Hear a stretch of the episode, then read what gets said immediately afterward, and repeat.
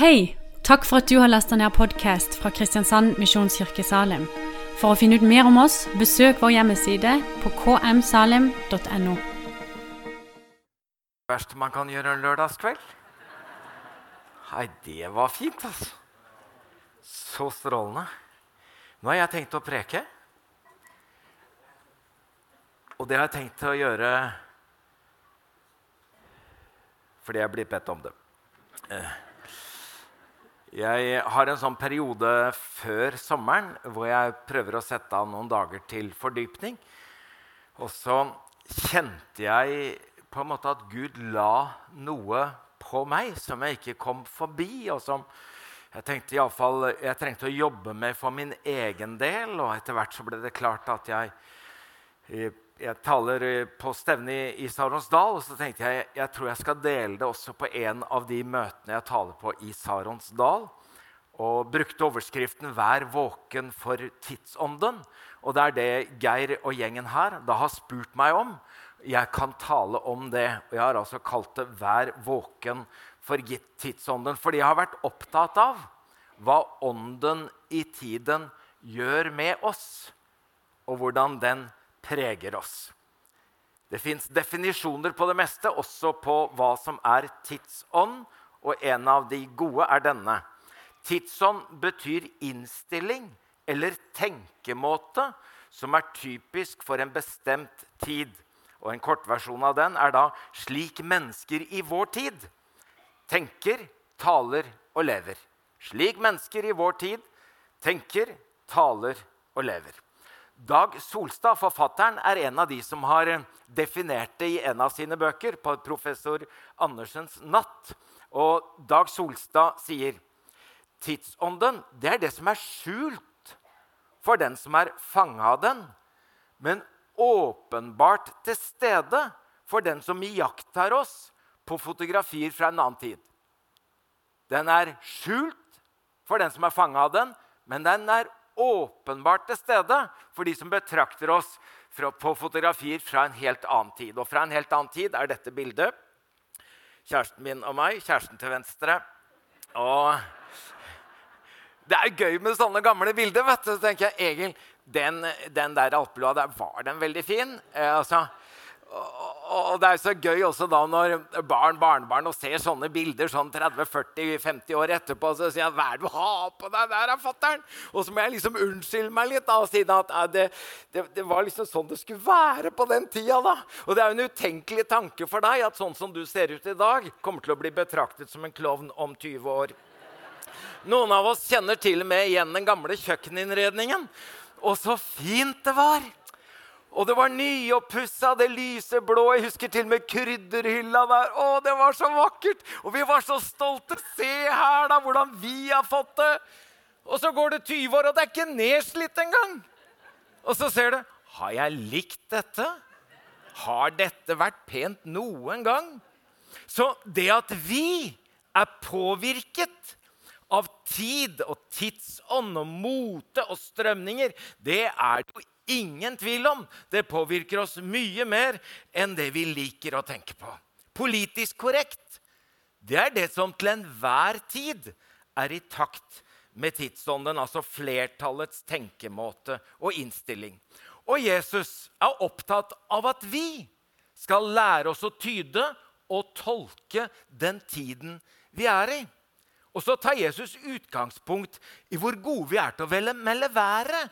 Ja, når svalene flyr høyt, og når det er rød himmel i øst. Og, og, da vet vi da kommer det, og da kommer det. Og så vet vi at de profesjonelle er veldig gode. Det er derfor vi ser værmeldingen så ofte, for vi vet jo aldri hvordan været blir i morgen.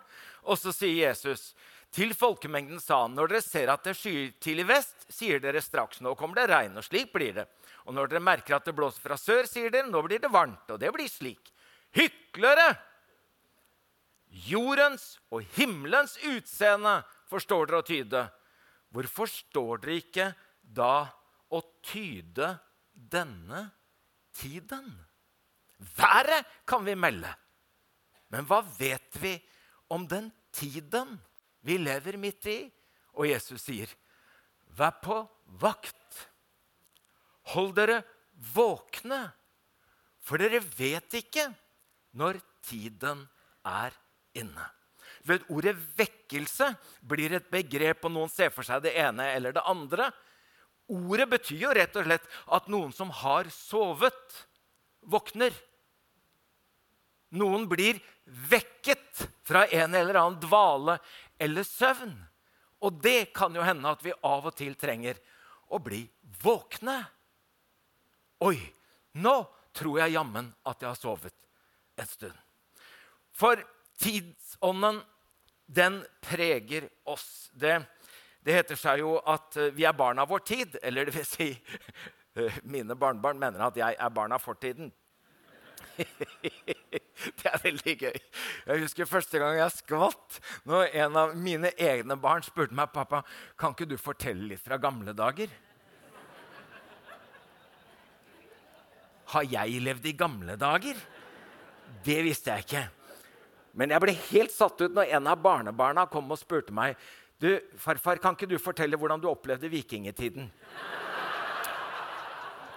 Da skjønner du Da skjønner du at du er ikke barn av din tid. Men alle vet jo at uansett alder så preges vi av den tiden og tenkemåten som vi er en del av. Så tidsånden er ikke noe som bare preger unge, eller bare preger oss i en fase av livet. Det preger oss hele livet. Når Jesus ber sin øverste prestelige bønn, så slår han jo fast at de, altså vi, er i verden. Vi er altså ikke Vi er ikke imot verden. Vi prøver heller ikke å dilte etter verden. Vi er heller ikke over verden. Vi er heller ikke utenfor verden, som om vi skulle være upåvirkelige av den. Vi er i verden. Og Det er derfor Jesus ber. Far, bevar dem! For de skal ikke være utenfor, over, men de skal være midt i. Og er du midt i verden, så preges vi av den. Og da vet vi at det er, det er, Jesus som forteller oss denne fortellingen om disse to. altså eh, hva er det Innledningen er eh, til noen som stolte på at de selv var rettferdige, og så ned på alle andre, fortalte Jesus denne lignelsen. Og Det kan jo være alltid en sånn fristelse med sånne festivaler som dette, som våger å ta opp litt upopulære temaer. Det er at vi prøver å peke på noen helt andre og vi kan fristes til å tro at vi har rett til å se ned på andre. Og så forteller Jesus om to menn som går opp til tempelet for å be. Den ene er fariseer, og han sier, 'Takk for at jeg ikke er som alle de andre.' Og så står det en toller der nede og sier, 'Gud, vær meg synder nådig.' Og Det er min erkjennelse og bekjennelse denne lørdagskvelden. Dette er ikke et problem for alle andre. Dette er en utfordring for meg, for mitt liv, 67 år gamle Egil Svartdal, at jeg er så utrolig preget av vår tids tenkemåte og kjenner at jeg preges av den og har behov for å si Gud, vær meg arme synder nådig. Ja visst er vi barn av vår tid, uansett alder. Men vi vil være mer enn barn av vår tid. Vi vil være barn av Gud. Det er det vi vil. Og tidsånden, den eh, preger oss. Vi har blitt fortalt at hvis du hiver en frosk oppi uh, veldig varmt vann, så hopper den ut igjen. Men du klarer visstnok å lure frosken hvis du legger den oppi mens vannet er kaldt, og så bare setter du på varme, sånn at den gradvis blir varmere og varmere. Og da heter det seg at eh, frosken den kokes levende, men frosken er smartere enn det, og forskerne har funnet ut for lenge siden at dette er ikke sant. Nei, nei, nei, frosker er for smarte. De hopper ut når det blir for varmt. Det er mer spørsmål om vi er like smarte som frosken. Det er det store spørsmålet. For vi tåler visstnok de store forandringene, bare de skjer sakte nok. Og Det er nettopp derfor vi oppfordres til å være våkne for tidsånden, sånn at vi kan kjenne etter hvordan påvirker det meg individuelt, og hvordan påvirker det oss kollektivt som kirke. Når jeg vokste opp, så var et av favorittordene dette 'Sikt ikke lik denne verden'. Og Det var veldig enkle tolkninger den gangen på ikke skikke seg lik denne verden. Det handlet om hva, hvordan vi skulle se ut på håret, hva slags, vi, om om det, hva slags, klær vi skulle bruke, hva slags musikk vi skulle høre på, om det var smykker og sminke og alt det der. Tenk om det hadde vært så enkelt. Det skulle jeg ønske. Men det er jo ikke der kampen står. Innrett dere ikke etter den nåværende verden, men la dere forvandle ved at klærne forandres Frisyren legges om? Nei. Ved at sinnet fornyes. Det er jo der kampen står. Det er hvordan jeg preges av tidsånden i tankesettet mitt, i sinnet mitt, og hvordan det former meg, og hvordan det preger meg. Om jeg leser Bibelen med min tids øyne, eller om jeg prøver å lese samtiden med Bibelens øyne. Det er jo ofte den store forskjell, og så må vi av og til prøve å gjøre begge deler samtidig. Samtidig så er det sånn at tidsånden villeder oss.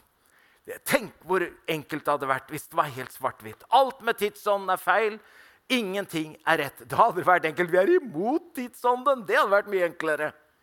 Men vi kan jo ikke være imot tidsånden, for tidsånden har av og til helt nødvendig rett. Og av og til tar den helt feil.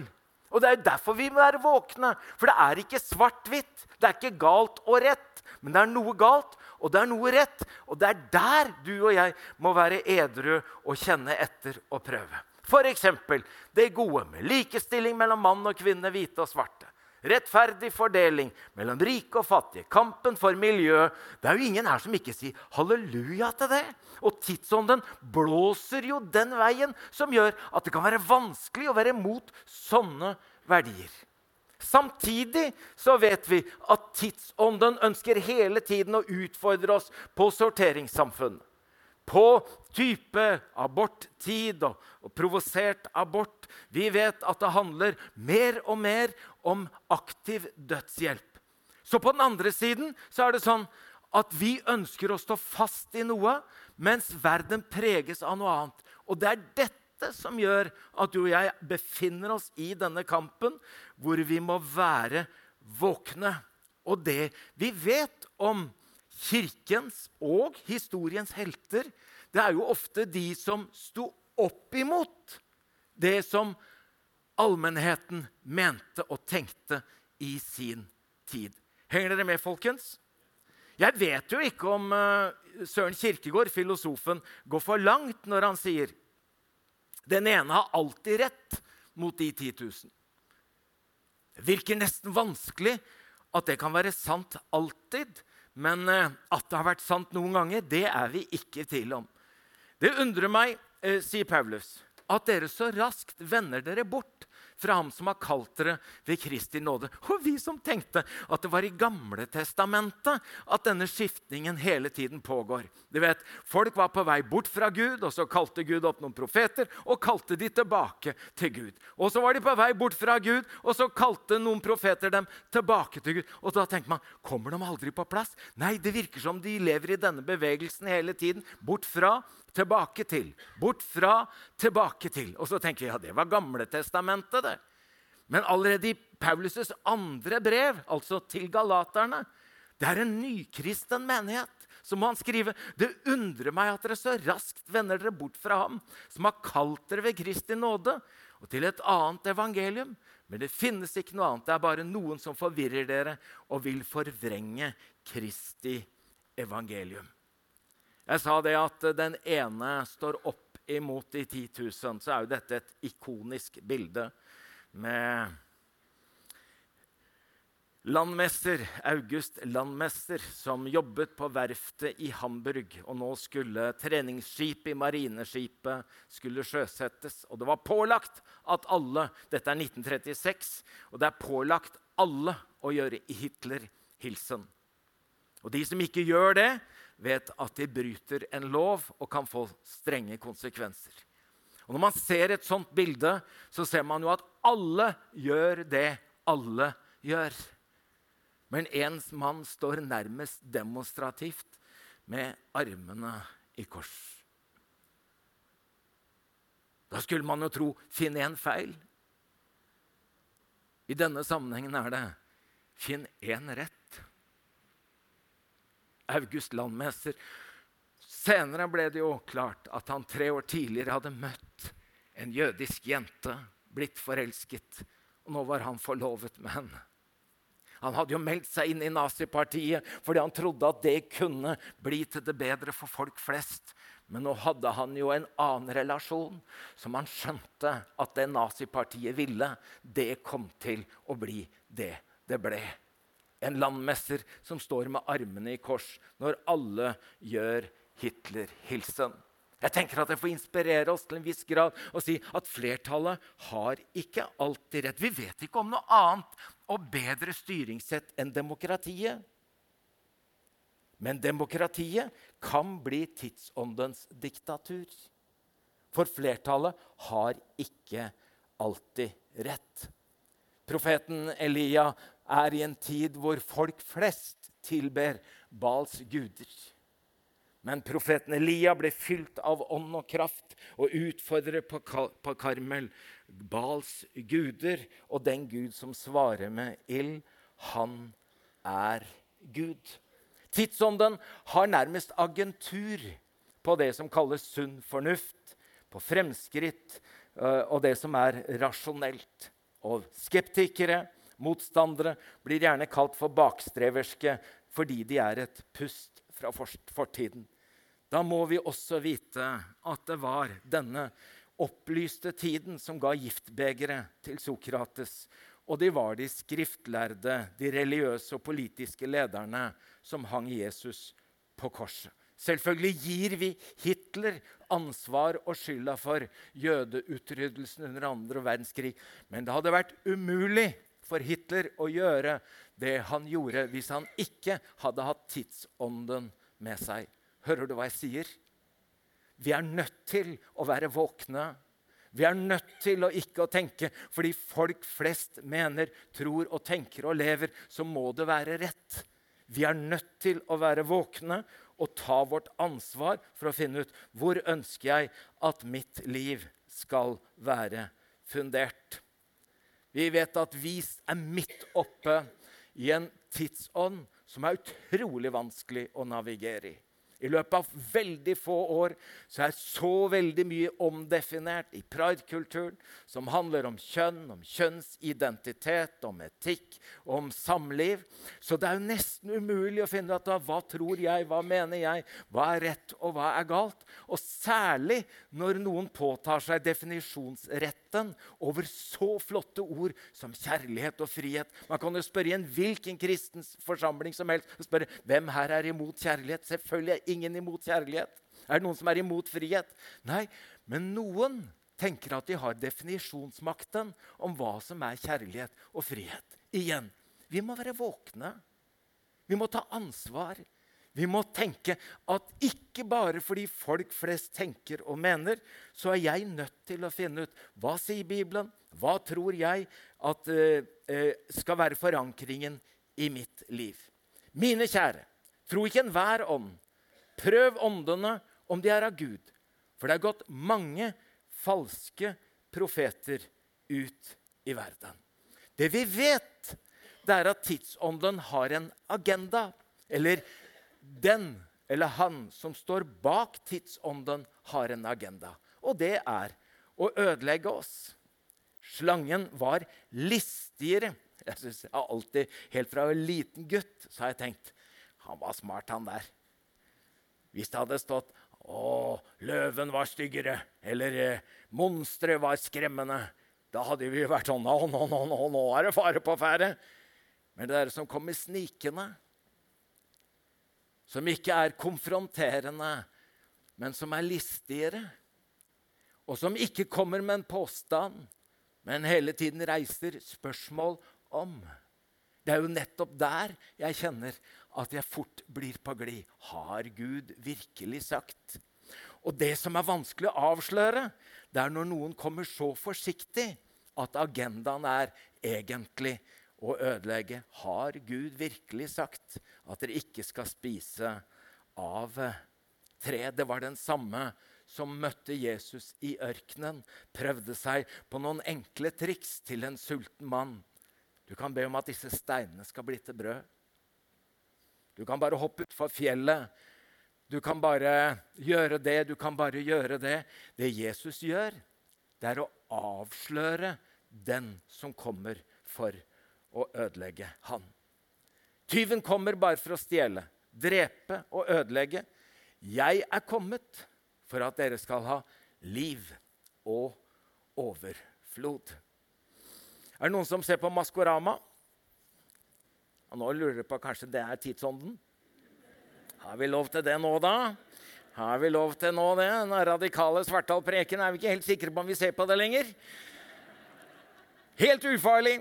Helt gøyalt, kjempeunderholdende program. Vi vet at det er åtte kjendiser som gjemmer seg inne i utrolige eh, utkledninger.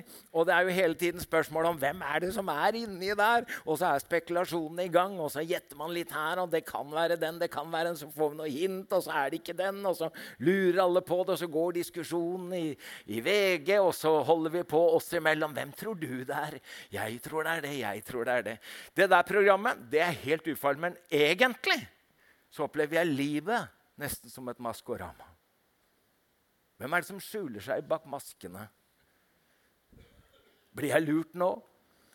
Er hensikten at jeg skal gå på en smell, at jeg går på en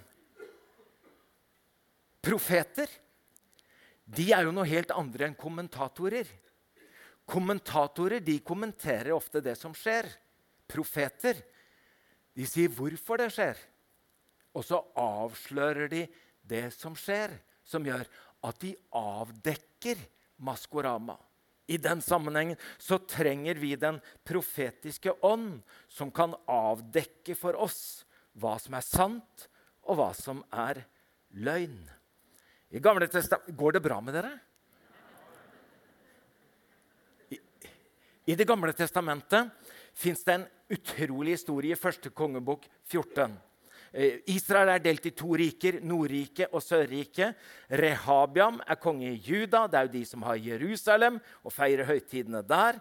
Og så er det Jeroboam, som var konge i Israel. Og De gikk til Dan eller Betel, og så tilba de noen gullkalver der. Altså samme rike, men det var nord og sør.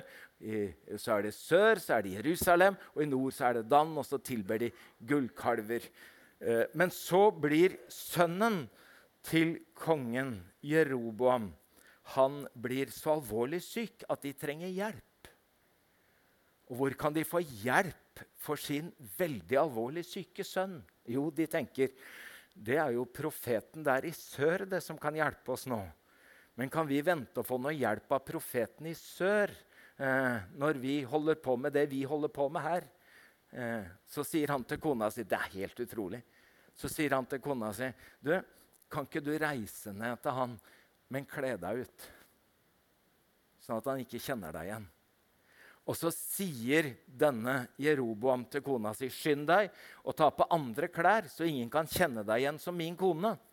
Gå så til Kilo, der profeten Ahia bor, han som forutsa at jeg skulle bli konge over dette folket.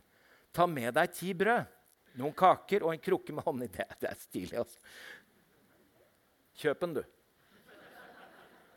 Prester og pastorer er korrupte, vet du. Kan bare friste med litt eh, stats... Nei, eh, slapp av nå, Egil. Eh, ta med deg ti brød, noen kaker og en krukke med honning, og gå til ham, og han vil fortelle deg hvordan det skal gå med gutten. Problemet er bare at profeter er ikke så lett å lure. Så allerede før kona til Jerobam kommer, så har ånden talt og sagt at hun kommer. Og så går han ikke på maskeraden. Og han tar heller ikke imot gavene, men han har et budskap fra Gud å melde. Vet du hva? Kirkefolk og kristne folk be om at Gud reiser opp profeter og profetrøster som hører fra Gud og taler fra Gud, og som avdekker og kan avsløre og gjøre det sant. Sånn at ikke vi går på et maskorama hvor ulver kommer i fåreklær. Jeg sender dere ut som sauer blant ulver, sa Jesus.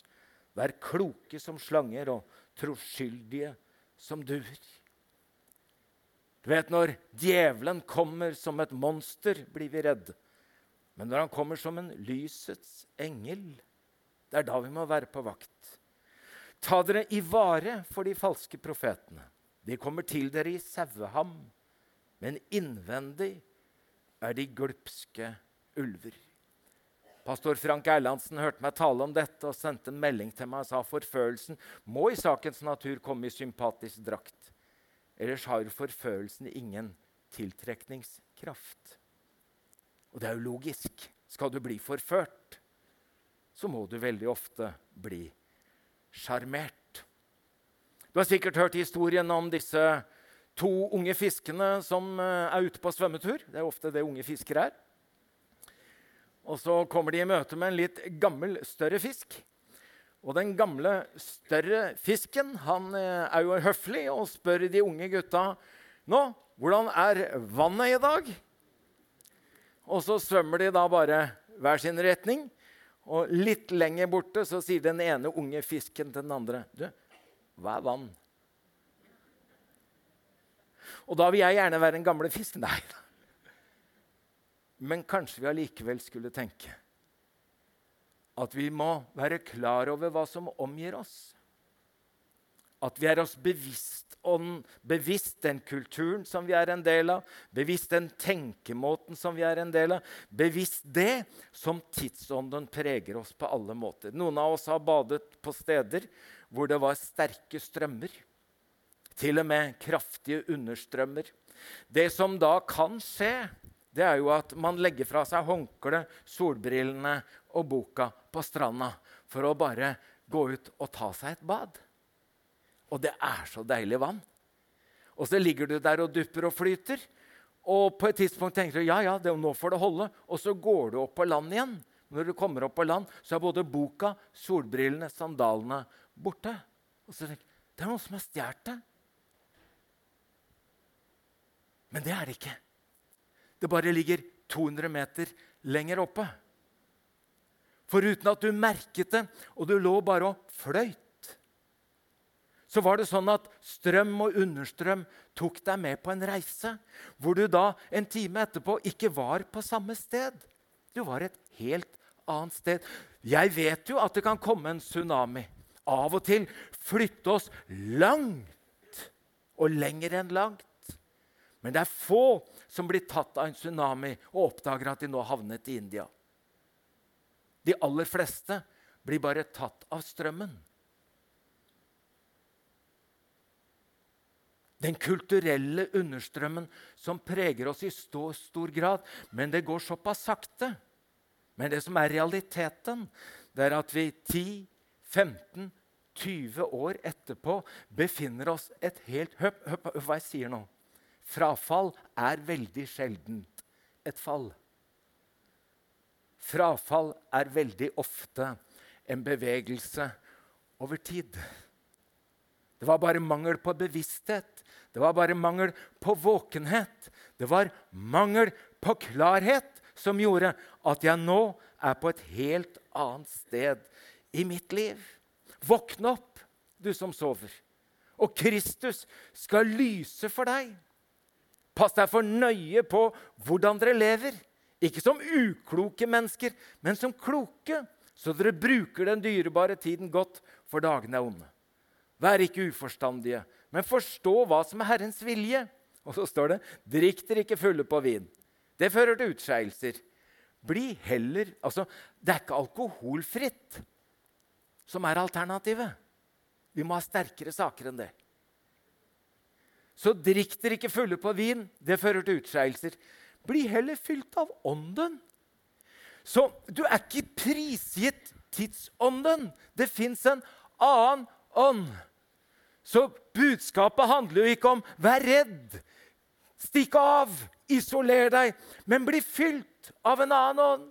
Bli fylt av Guds hellige ånd med et Nå blir jeg litt ivrig.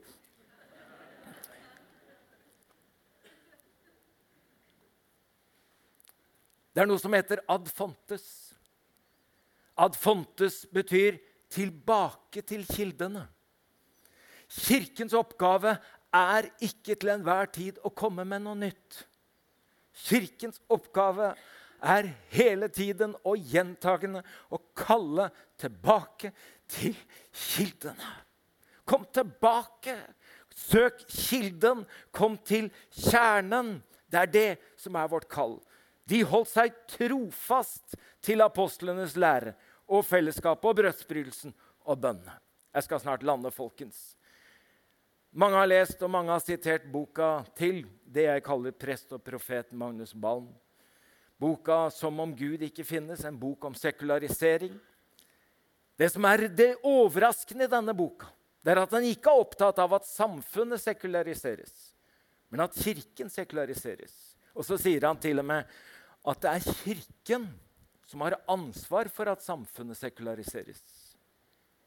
Og han sier det er jo nettopp det når saltet mister sin kraft. Hva skal det da saltes med? Så det er sekulariseringen av Kirken. Og så sier han det er ikke den kritiserte troen som sekulariserer oss. Det er den ikke-praktiserte troen. Det er den bønnen jeg ikke ber. Det er de bibeltekstene jeg ikke vender tilbake til. Det er den gudstjenesten jeg ikke deltar i. Det er alle de områdene av verden som unntas fra et kristent perspektiv. I valget mellom å være liberal eller konservativ er jeg veldig tydelig. Jeg vil være radikal. I valget mellom å være liberal eller konservativ er jeg veldig tydelig. Da vil jeg være radikal. Og radikal betyr å gå til rot, til kjerne. Ad fontes. Tilbake til kildene. Det betyr at du ikke blir marginalisert, men en radikal kristen er en sentral kristen fordi at han holder seg til det sentrale. Jeg skulle slutte i Filadelfia-kirka her borte i 92 for å begynne som pastor på TV 2. En dag kommer en som jeg har stor tillit til, og knakker på kontordøra i Philadelphia Dronningens. Og sier at han har bedt for meg, og så har han fått en hilsen fra Gud til meg. Og så sier han, 'Egil, jeg ba for deg, og det var som om Gud ba meg å si til deg' Når du nå blir så synlig, må du styrke det usynlige, så du blir stående når stormen kommer. Én setning. Jeg husker den ordrett, sånn som han sa det. Ingen forklaringer, ikke noe mer. Bare dette ene, Egil. Når du nå blir så synlig, så må du styrke det usynlige, så du blir stående når stormen kommer stor krone, godt synlig, veldig fort et offer for et vindkast som kommer. Da må røttene fordypes. Kjernen, kilden, røttene. Må Kristus ved troen bo i deres hjerter, og dere stå rotfestet og grunnfestet i kjærlighet. Jeg hørte Linda i dag, som leste og avsluttet sitt seminar i dag med Jesaja 43. Kan vi ikke lese det sammen, folkens? Det er så deilig å høre folk som skarrer. Dere skal ikke minnes de første ting. Ikke tenke på det som hendte før. Se, jeg gjør noe nytt. Nå spirer det fram. Merker dere ikke? Ja, jeg legger vei i ørkenen, elver i ødemarken. Jeg eh, skrev en tekstmelding til Tom Jarle i ettermiddag. Da hadde han vel eh, blitt ferdig med en vielse og kommet ut av et annet oppdrag. Så skriver jeg til Tom Jarle Kjenner du Andrew Crouch' uh, 'Mighty Wind'? Jeg har aldri hørt den i et offentlig møte. Men når jeg forberedte i dag og ba i dag, så er det som denne sangen bare treffer meg. For jeg snakker om dette i dag med et veldig sugende hjerte etter å bli fylt av Den hellige ånd. Jeg ønsker å være klar over farer. Jeg ønsker å avsløre og avdekke. Men framfor alt så kjenner jeg et sug etter å bli fylt av Den hellige ånd. At ikke det først og fremst er hva jeg sier, men at det først og fremst er hvem jeg er. At jeg er fylt av Guds hellige ånd. Oh, Tom Jarle han kunne ikke engang sangen. Men han sier at Rett etterpå så sier han nå har jeg hørt på den, den er fantastisk fin, den må vi ha. Så nå har jeg forhørt meg om at der inne er det et bønnerom. Der er det mulig å gå og få samtale og forbønn.